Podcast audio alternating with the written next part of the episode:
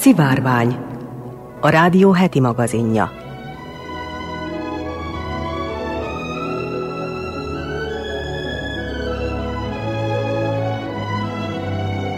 Köszöntöm a szivárvány hallgatóit, Molnár Eleonóra vagyok, színes magazin műsorunk szerkesztője. Adásunkból ma értesülhetnek arról, hogy ütközés veszély miatt módosították a nemzetközi űrállomás pályáját. Hallhatnak arról is, hogy elég oxigén van a Holdon, hogy akár évezredekig életben tartsa a Föld lakosságát.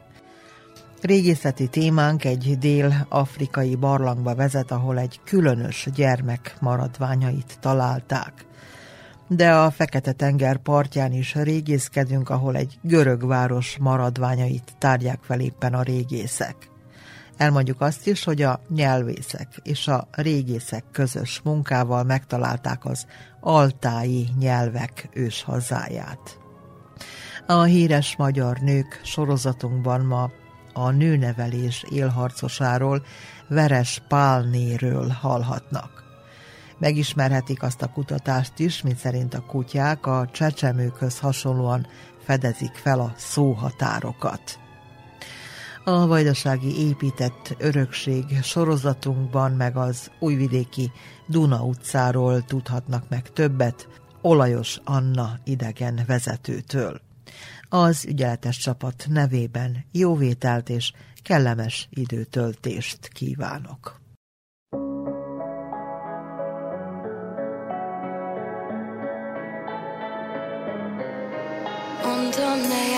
Tűzzel, ha egyszer felébred. Nem adja fel, míg felfal, míg feléged. Elpusztít mindent és meghagy parázsnak. Nem segít rajtunk sem emlék, sem varázslat Sötétség, sötétség, elárvult otthonok. Túlnőnek rajtunk a velünk jött démonok. Elcsukló imádság, elárult istenek. Mentsetek meg, ha már remények nincsenek. Késő, ez a csend, ez a tűz lesz a végső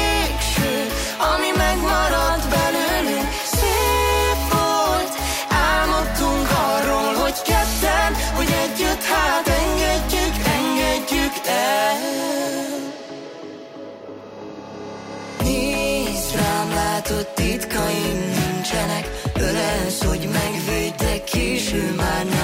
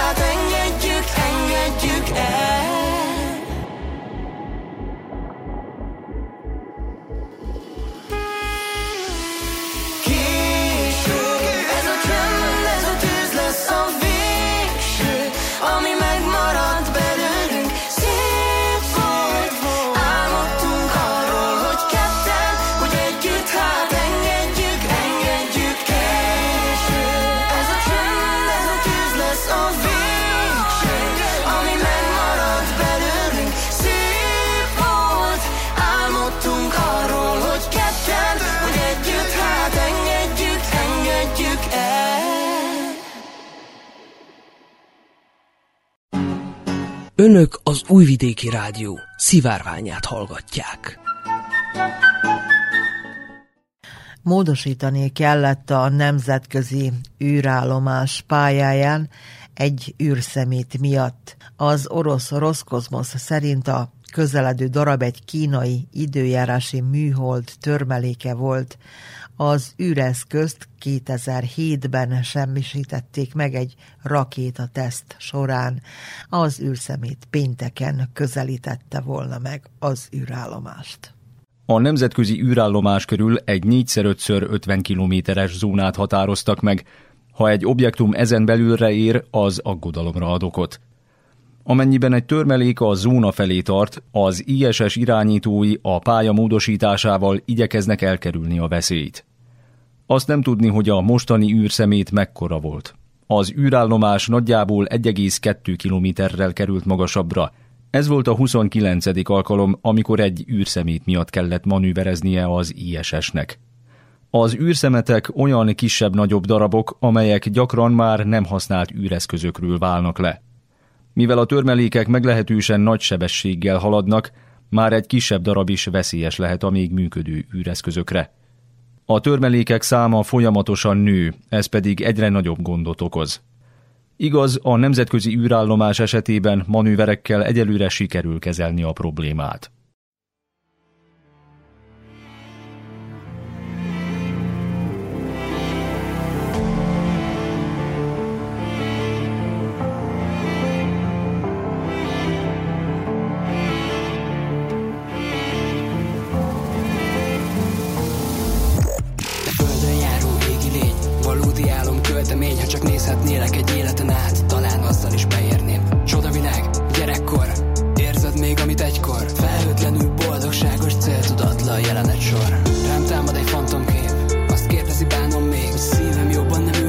mert akkor lehet, hogy nem futnék utánad Szilánkokból épül a bánat és támad.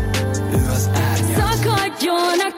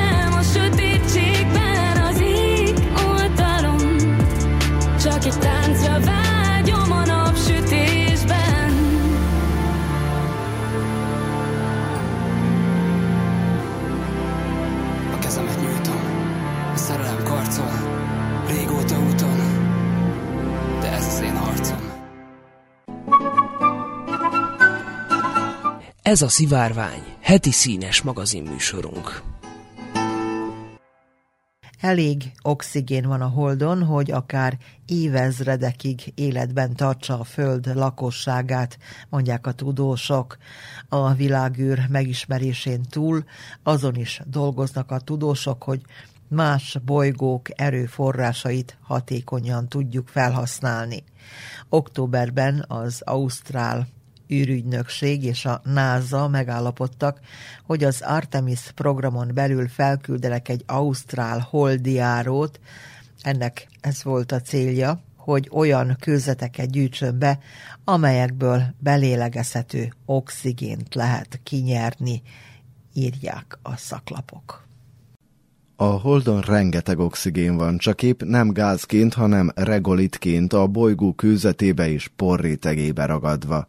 Itt a Földön is van ilyen formában oxigén, és a hold talaja eléggé hasonlít az ittenihez. Odafent főleg szilícium-dioxid, alumínium, illetve vas és magnézium oxidok vannak a felszínen. amelyek mind tartalmaznak oxigént, amit ebben a formában nem tudunk belélegezni. Szerencsére van módszer az oxigén regolitból való kivonására, ehhez viszont sok energiára van szükség a megfelelő ipari eszközök mellett. Az ásványokat először folyékony halmaz állapotúvá kell tenni hővel vagy oldószerekkel, amire a Földön már képesek is vagyunk. Viszont hatalmas kihívás az eszközöket a holdra szállítani, és annyi áramot termelni, hogy hatékonyan működjön a dolog. A hold talajának 45%-a oxigén, csak épp nem tudjuk belélegezni. A holdi regolit minden köbmétere 1,4 tonna ásványi anyagot tartalmaz, ebből 630 kg az oxigén. A NASA szerint egy nap alatt 800 g oxigén szív be egy ember. Ezekből az adatokból kimatekozták, hogy ha a regolit a hold teljes felszínén 10 méter mélyen van jelen, akkor 8 milliárd embernek 100 ezer évre elég a holdon lévő oxigén. Ha minden jól megy, 2025-ben bevetik a Space Application Services nevű startup reaktorait, amelyekkel tökéletesítik az elektrolízises oxigén előállítást. A belga székhelyű cég arra számít, hogy az Európai űrügynökség segítségével a holdra juttatják berendezéseiket.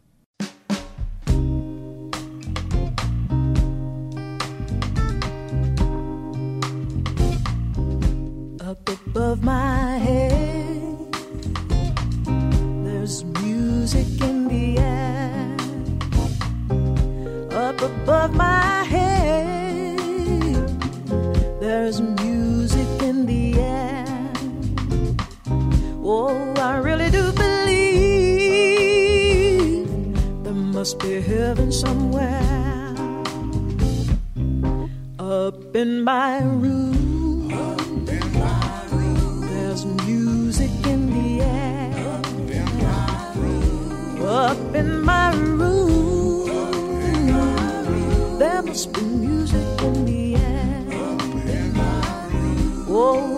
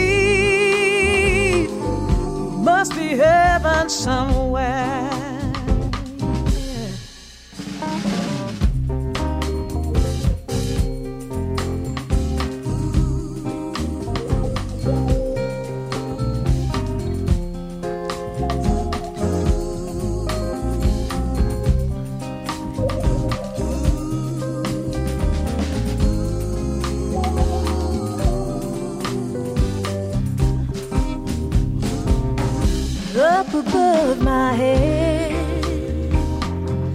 Must be music in the air. Up above my head, there's music, sweet music. I really do believe must be heaven somewhere. Everywhere I go.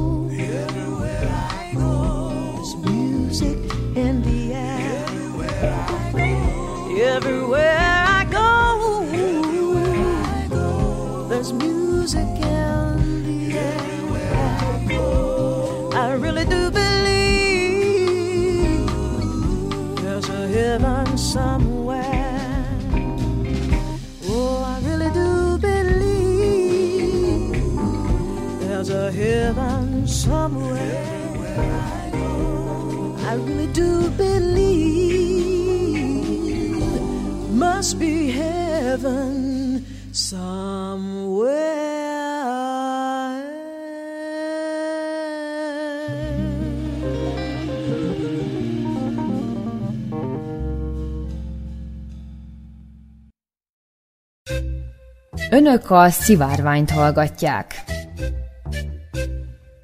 Különleges gyermek maradványait találták meg egy barlangban.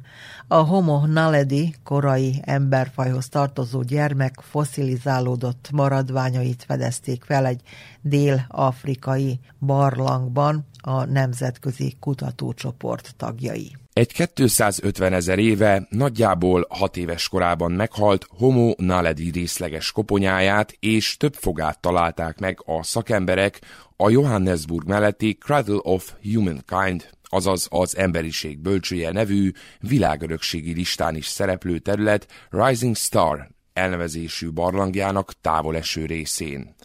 Úgy vélik szándékosan helyezhették a területre, amely egyfajta sír lehetett. A Homo naledi egy ősi emberféle, vagyis hominida, amely a középső pleisztocén korban 335-236 ezer évvel ezelőtt élt. Először 15 egyethez tartozó 737 testrész, 1550 maradvány darabját találták a területen.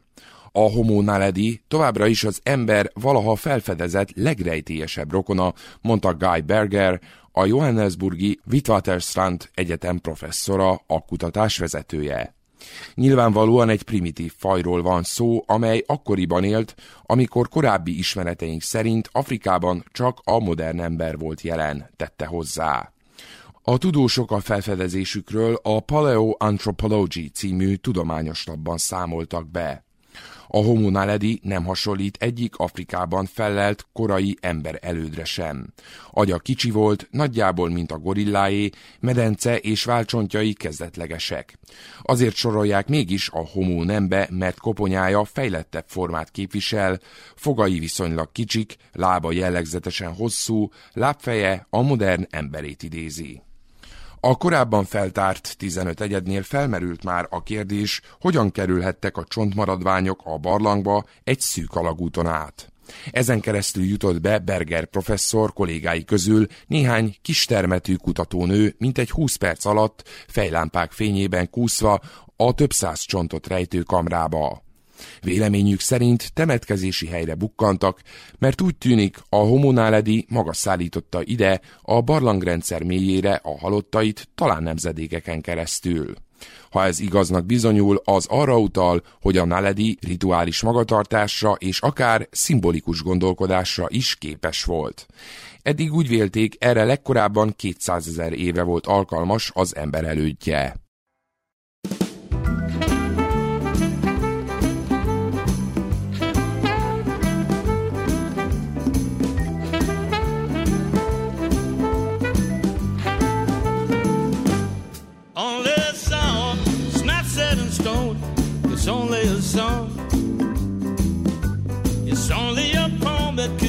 In the long run. It's only a song. It's what I said then just to make it rhyme. Could have been on my mind at the time. Putting paper to pen, it's only a song. It's only a song. Could be back to front just to get it to work. It's only a song. Get at the jump, get at the swing, so I can sing it. Only a song when everything's said and done. At the end of the day, in the warmth of the sun, it's only a song. In the wintry snow, when the pigments march along and go home. It's. Yeah, only a song.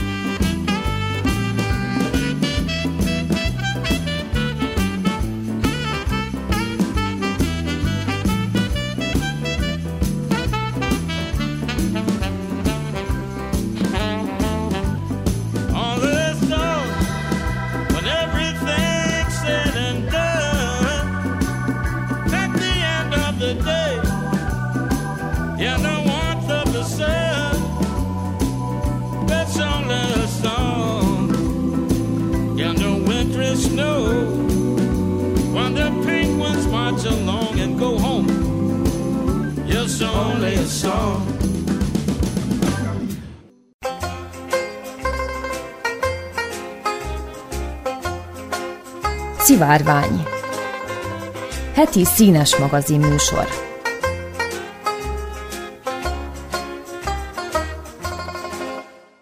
A Fekete-tenger partján található görög város maradványairól szólunk a folytatásban. Fanagóriát a perzsák elől menekülők alapították az időszámítás előtti hatodik században. A Fekete-tenger partján az Oroszországhoz tartozó Taman félszigeten fekszik egy ókori görög romváros, írja a Moszkvai Times. A szakértőket a 19. század óta foglalkoztatja Vanagória története. A lelőhelyen a feltárások 1936-ban kezdődtek meg, és máig is tartanak. A város különlegessége, hogy az emelkedő tenger és a mozgásban lévő dűnék vastagon beborították. Vladimir Kuznyecov, a helyszínen dolgozó régész szerint nagyon ritka, hogy egy lelőhelyen a maradványok ilyen mélyen legyenek. A különleges környezetben lenyűgöző állapotban konzerválódtak a leletek. Panagóriát időszámítás előtt 543-ban alapították a perzsák elől Anatóliából menekülők, a város pedig hamar a térség egyik meghatározó kereskedelmi központjává vált. Bár még csak a város mintegy kétszázalékát tárták fel, az eddigi felfedezések is lenyűgözőek. Többek között egy perzsa ékírásos feliratot őrző márványfal is előkerült. Azt nem tudni, hogy egy ilyen virágzó település miként néptelenedett el hirtelen ezer körül. A lelőhelynél az ásatások jelenleg egy milliárdos Oleg Gyeripaszka támogatásával zajlanak. Az állam közvetlenül ritkán járul hozzá Oroszországban a régészeti munkához. Az is előfordul, hogy a kutatók saját költségen próbálják menteni a maradványokat, a forráshiány pedig országszerte problémát okoz az emlékek megőrzésében. Panagória egyenlőre viszonylagos biztonságban van. Kérdés azonban, hogy mi lesz, ha elfogynak a támogatások. A lelőhely helyzetén segíthet az, hogy a romvárost a Kercsi szorossal összekötő hídon egy új múzeumkomplexumot terveznek létrehozni, ami hozzájárulhat Panagória feltárásának finanszírozásához.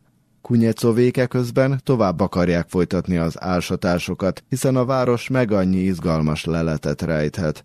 Egyes feltételezések szerint második Iustinianus, bizánci császárt a 7. században Panagóriába száműzték, így elképzelhető, hogy egy palota is felfedezésre vár a helyszínen.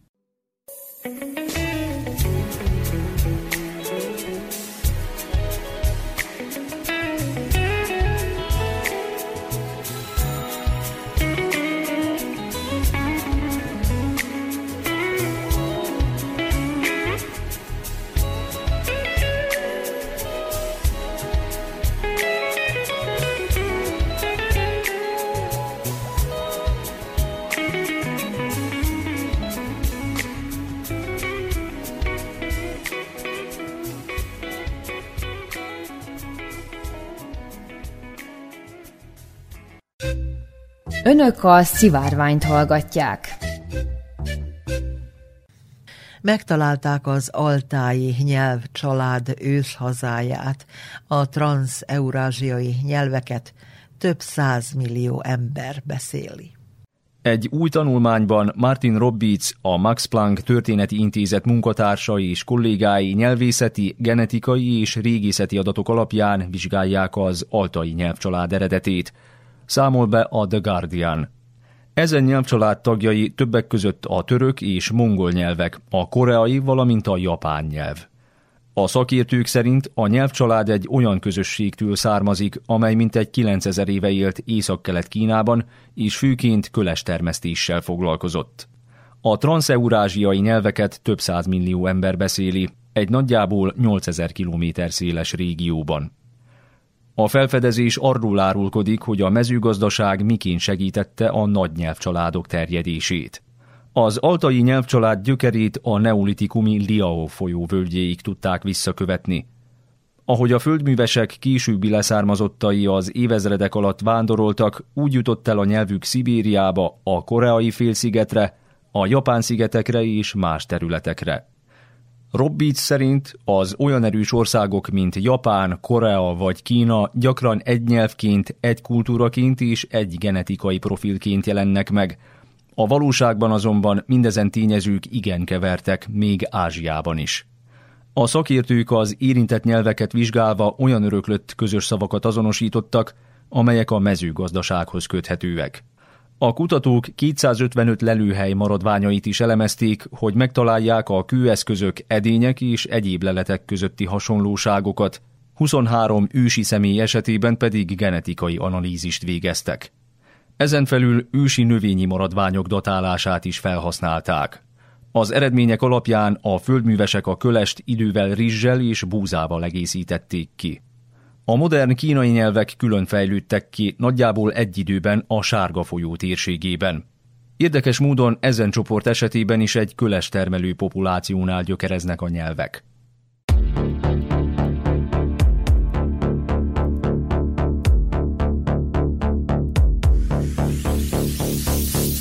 Végtelen, képtelen, elvonult az értelem, fénytelen, kérelem, messze innen képtelen, végleten, fénytelen, élet mindből névtelen, lételen, de valahol biztos érték lételen.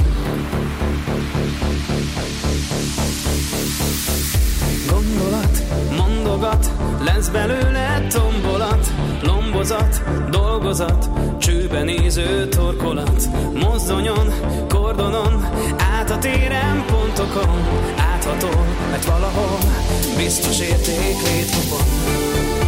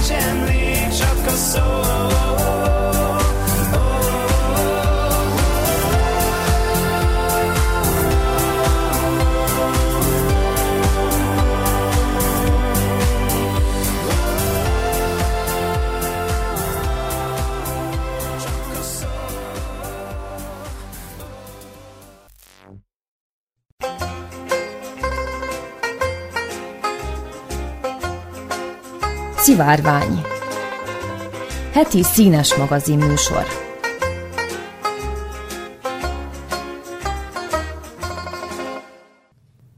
Híres nők sorozatunkban ma a nőnevelés élharcosáról, Veres Pálnéról hallhatnak. A magyar nemesasszonyok többsége a 19. században alig tudott magyarul, mivel az előkelő fiatal lányok számára nem létezett iskola, vagy külföldi intézményekben tanultak, vagy francia, német nevelőnőt fogadtak melléjük. Veres Pálné sokat szégyenkezett, amiért nem tudja jól a saját anyanyelvét, ezért elhatározta, a lányát magyarul fogja tanítatni.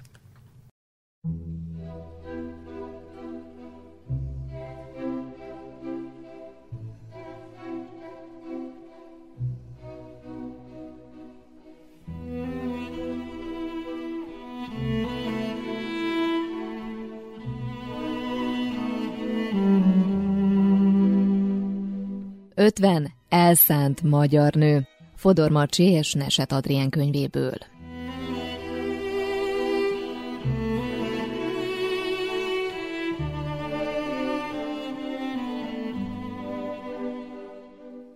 Veres Pálni Benicki Hermin született 1815-ben, elhunyt 1895-ben. Benicki Hermin gazdag grófi családból származott.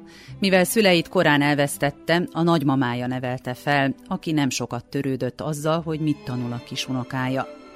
Akkoriban kedvelt mondás volt, a leánynak csak annyi esze legyen, hogy tudja, ha az eső esik, eresz alá kell menni. A kis Hermin azonban szeretett tanulni és olvasni.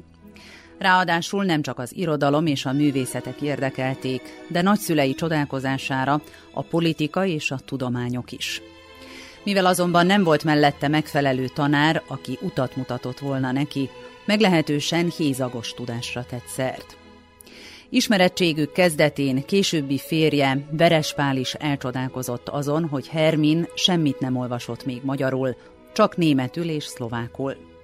A szemrehányásra a lány meglepődve kérdezett vissza, hát magyar könyvek is vannak. Eldöntötte, hogy ha gyermeke születik, egészen másként fogja nevelni.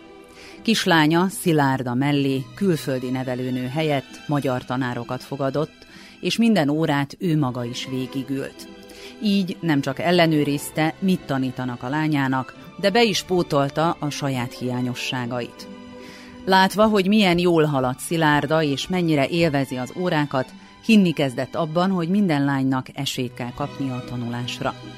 Rengeteg beadványt és kérvényt írt az országgyűlésnek, hogy változtassák meg az akkori törvényeket, és a lányok ugyanazt tanulhassák, mint a fiúk.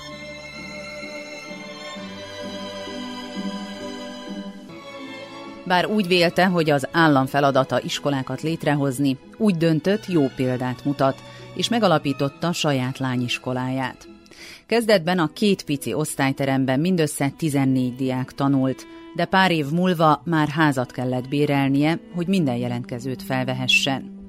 A szívén viselte valamennyi diákja sorsát, ezért ő maga állította össze a tantervet, és a tanárokat is személyesen válogatta ki. Az iskola pedig csak nőtt és nőtt. 1890-re már az itt végző lányok tanítónői és nevelőnői diplomát is kaphattak, és 1896-tól lehetőségük volt leérettségizni. Ez óriási dolognak számított, ugyanis egyetemre csak érettségi után lehetett jelentkezni. Így Verespálni iskolájának köszönhetően az egyetemek kapuja is megnyílt a lányok előtt. Az iskola ma is áll Budapesten, és az alapítója iránti tiszteletből több mint száz éve Verespálné nevét viseli.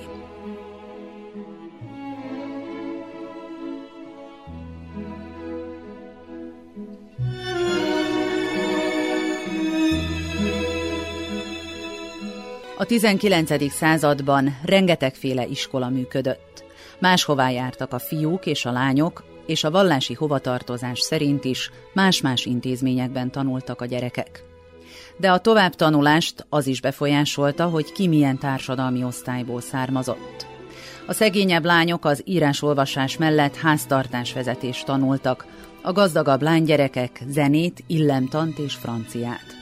Veres Pálnénak meggyőződése volt, hogy ez rossz rendszer, mert mindenkinek joga van ugyanahhoz a tudáshoz. A lányok esetében pedig különösen fontosnak tartotta, hogy ne csak hímezni és zongorázni tanuljanak, hanem szakmát is kapjanak a kezükbe, ami később biztosítja majd megélhetésüket. Verespálné okos, tehetséges emberekkel vette körül magát. Házában a magyar irodalmi és politikai élet nagyjait látta vendégül. Egyik legjobb barátja Madács Imre volt, aki sokak szerint szerelmes volt a háziasszonyba. Nem csak verseket írt hozzá, hanem híres drámáját, az ember tragédiáját is neki olvasta fel elsőként. Ezért is fájt annyira Verespálnénak, amikor Madács 1864-es beszédében azt állította, a nők kevesebbet érnek, mint a férfiak, mert ahogy fogalmazott, a nőket a természet kevesebb szellemi tehetséggel áldotta meg. Verespálné felháborodott Madács szavain, és eldöntötte, mozgalmat indít a magyar nők iskoláztatásáért. Úgy érezte, hogy egyedül kevés ehhez a feladathoz, ezért felhívást intézett a magyar asszonyokhoz, hogy segítsenek neki. 1867-ben 22 nőtársával együtt megalapította az Országos Nőképző Egyesületet. Zászlójukra ezt a jelszót tűzték. Haladjunk! A legfontosabb céljuk az volt, hogy a lányoknak legyen lehetősége használni az iskolában tanultakat, és megéljenek a tudásukból. De nem csak a fiatal lányok oktatását tartották szem előtt, fontos volt számukra a felnőtt nők továbbképzése is, mert ahogy Verespálni fogalmazott, soha nem késő bepótolni, amit fiatalon elhanyagolt az ember, és erre ő a legjobb példa.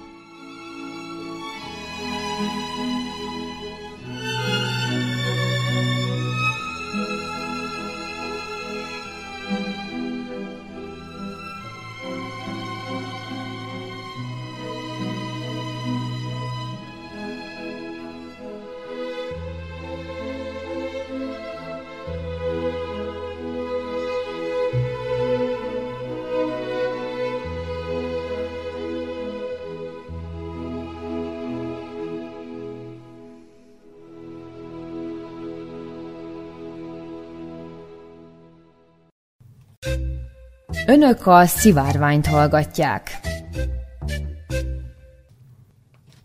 A kutyák agya az emberhez hasonlóan különíti el a szavakat a folyamatos beszéd folyamatban, derült ki az ELTE etológiai tanszék munkatársainak szakfolyíratokban megjelent friss tanulmányából.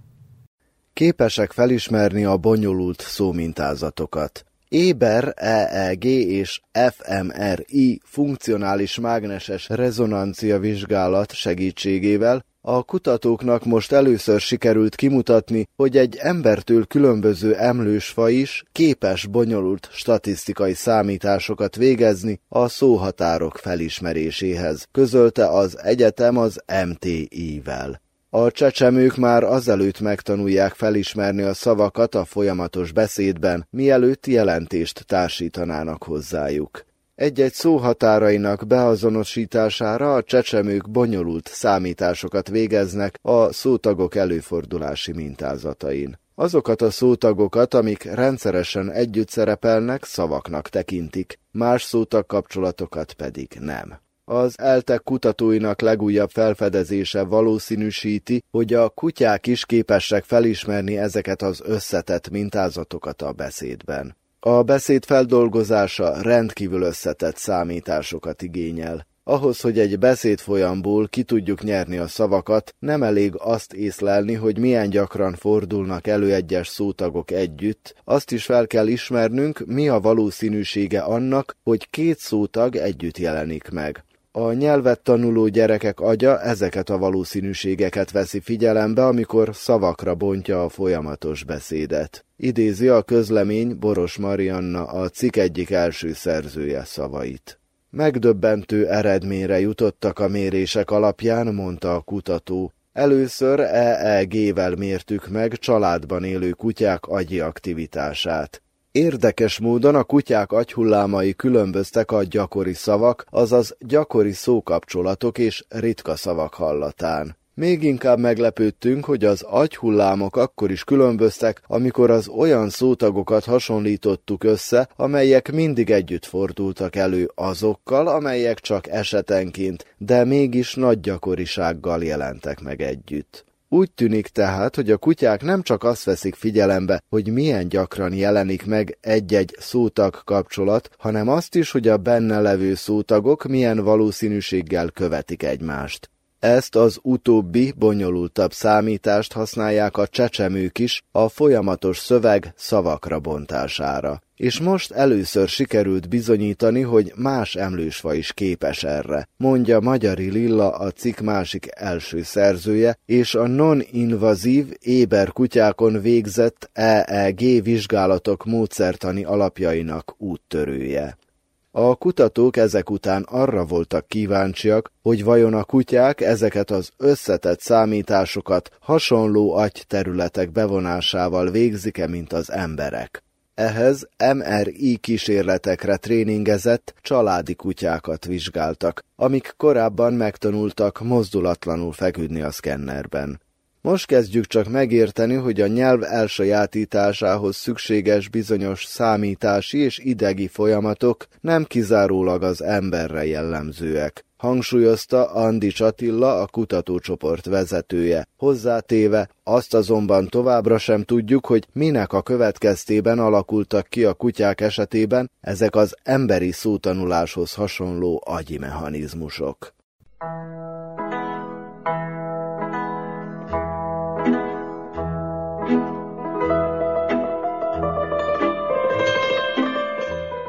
Vajdaság kuriózumai.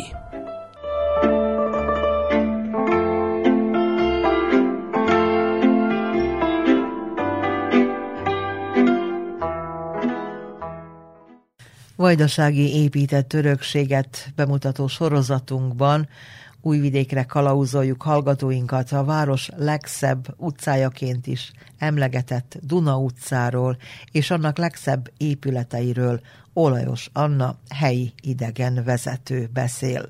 Trifkovics Rita hangfelvételét halljuk. Hát amikor azt mondjuk, hogy Duna utca újvidéken, akkor az egyik legrégebbi utcára gondolunk, de hát nem kell itt nagyon középkori épületeket keresni, mivel ahogy a város neve is mondja, újvidék, aránylag új város. Végül is fejlődését, létezését a Péterváradi erődnek köszönheti, és első komolyabb lakói, akik átköltöztek a Duna jobb partjáról ide a bal partra, tulajdonképpen a 17. században történt, amikor elkezdett épülni a vár, ugye 1692-ben. Az adatok szerint 12 katonai és egy néhány kézműves voltak az első lakói, a, és ők képezték Újvidék magvát a 17. század végén. A Duna utca, mint a neve is mondja, közel van a Dunához, és valamikor ez csak mocsaras, lápos terület volt. Az új település még nem beszélhetünk városról. Először is a 18. században említődik ezen a néven, addig általában Péterváradi Sánc néven futott, és tulajdonképpen a város keresztanyja Mária Terézia, ő mondta meg, hogy neveztessék Újvidéknek, nominentur Neoplanta, mert úgy látszik az akkori helyi vezetőség sem tudott megegyezni a város elnevezésén, voltak különböző ajánlatok, a legkomolyabb ajánlat volt, hogy Bácsvár legyen Újvidék neve, de mivel már Bács település létezett, de mondom, a helyi vezetőség nem tudott megegyezni, és ezért végül is a császárnő döntött.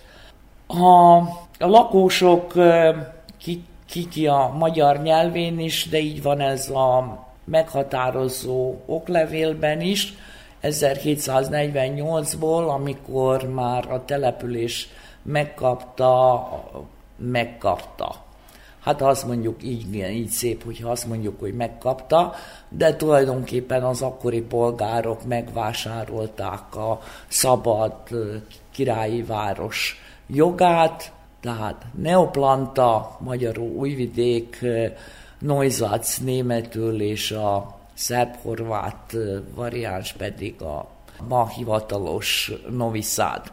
Tehát akkor térjünk vissza a Duna balpartján az egyik legrégebbi utcába, a Duna utcába, amely az Aranytöltés utca, ami közel van, egy pár száz méterre csak a Duna utcától, Újvidék város legmagasabb pontján, de mondjuk az Aranytöltés utcát tekintik legrégebbinek, de ezek a régi utcák közül tulajdonképpen a Duna utca az egyik leghíresebb is, meg sétáló utca is, és mindig attraktív volt. Először is úgy a városközpont, a mai városközpont közelsége is, de egyben a Duna közelsége is kihatott, hogy ez az utca mindig is főszerepet játszott a város történelmében.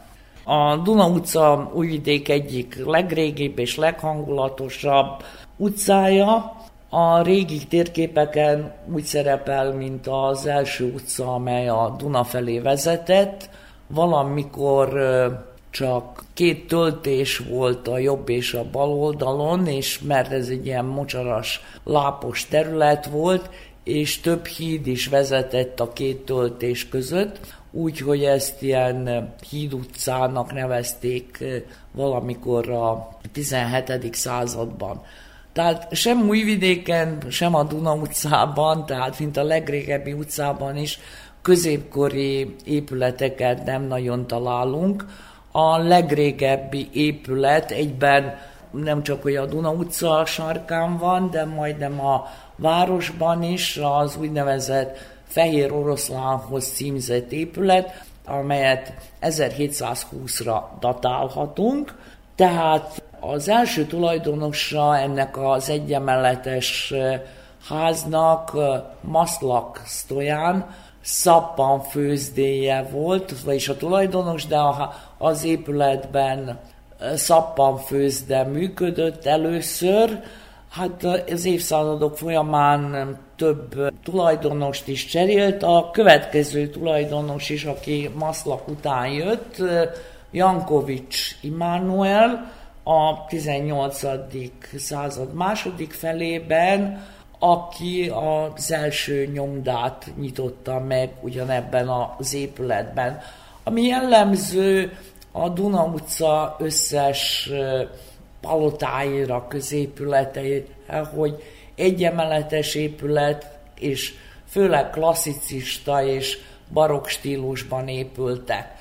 Azzal, hogy ez egy kézműves utca volt, és mindig a földszinti részben voltak az üzlethelységek, vagy a, a műhelyek, az első emeleteken pedig a, a lakóterek. Még visszatérek erre a sarokházra, a legrégibb épületre, az úgynevezett Fehér Oroszlánhoz címzett épület, mert ez divat volt régen Újvidéken, hogy egy-egy épületnek valami érdekes nevet adjanak, hogy hát a kültérben meg, meg lett ez a műemlék, de már az udvarban igen-igen nagy változások és beépítések történtek, úgyhogy egy húsz évvel ezelőtt az udvarba beköltözött egy modern bevásárlóközpont, nem sikerült akkor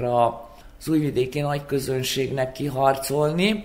Úgy látszik, de valakit megfogott az átok, mert megvan a bevásárlóközpont, ez a kis modern bevásárlóközpont a régi udvarokba beépítve, de mondom valószínűleg, hogy megfogta valami átok, mert az amióta megépült, majdnem mindig üresen pangott. A Duna utca házainak többsége ma is jó állapotban van, és nagy műértéket képviselnek. Földszintükön már akár száz évvel ezelőtt nyílt kisiparos műhelyeket, üzleteket még ma is megtalálunk. Igaz, hogy most már egy kéz is elég, mert ha jól tudom, remélem még ez a kettő még létezik, tehát két műhely, az egyik egy könyvkötő, a másik pedig az ékszerész, ami a kézműveseket illeti, hát ez a kettő maradt manapság. de híres írók, tanárok, kereskedők, színészek, orvosok és tisztek laktak egykor itt.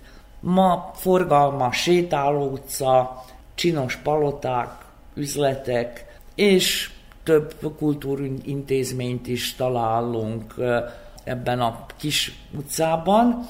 A Nyüzsgő város szívében van tulajdonképpen éttermek, cukrászdák tavasztól. Késő őszig az utcára néző, vagy az utcán lévő teraszokkal várják a vendégeket. Ugye várták eddig, hát reméljük, hogy hamarosan változik a helyzet, és továbbra is tudjuk élvezni ezeket a teraszokat a Duna utca mentén. Ami a múzeumokat illeti, itt van a 29-es szám alatt az úgynevezett Illich palotában a Városi Múzeumnak egy kiállítóterme, galériával, ahol gyakran szintén időszakos kiállításokat rendeznek. A Duna utca sarkán van még a városi könyvtár, tehát az újvidéki városi könyvtár épülete, amely 1853-ban épült, késő klasszicista stílusban, és persze eredetileg nem, nem mindjárt könyvtár volt, de 1870-től, tehát a két szembelévő épület, ami a két sétáló utca találkozásánál van, tehát úgy a jobb oldalon van a legrégebbi, a vele szembeni a mai városi könyvtár épülete pedig mindkettőben nyomda volt. Tehát az egyikben már a 18. században, a mai könyvtár épületében meg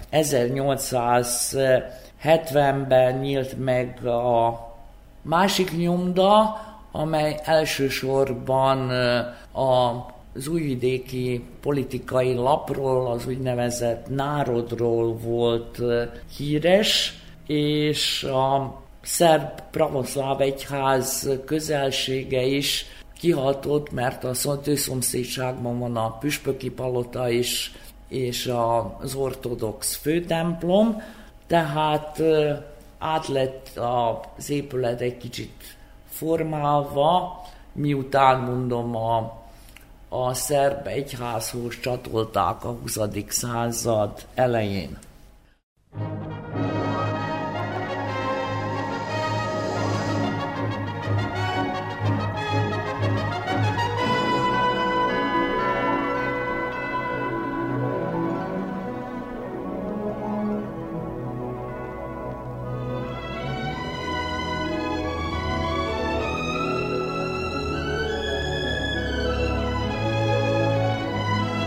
A szivárványt hallották.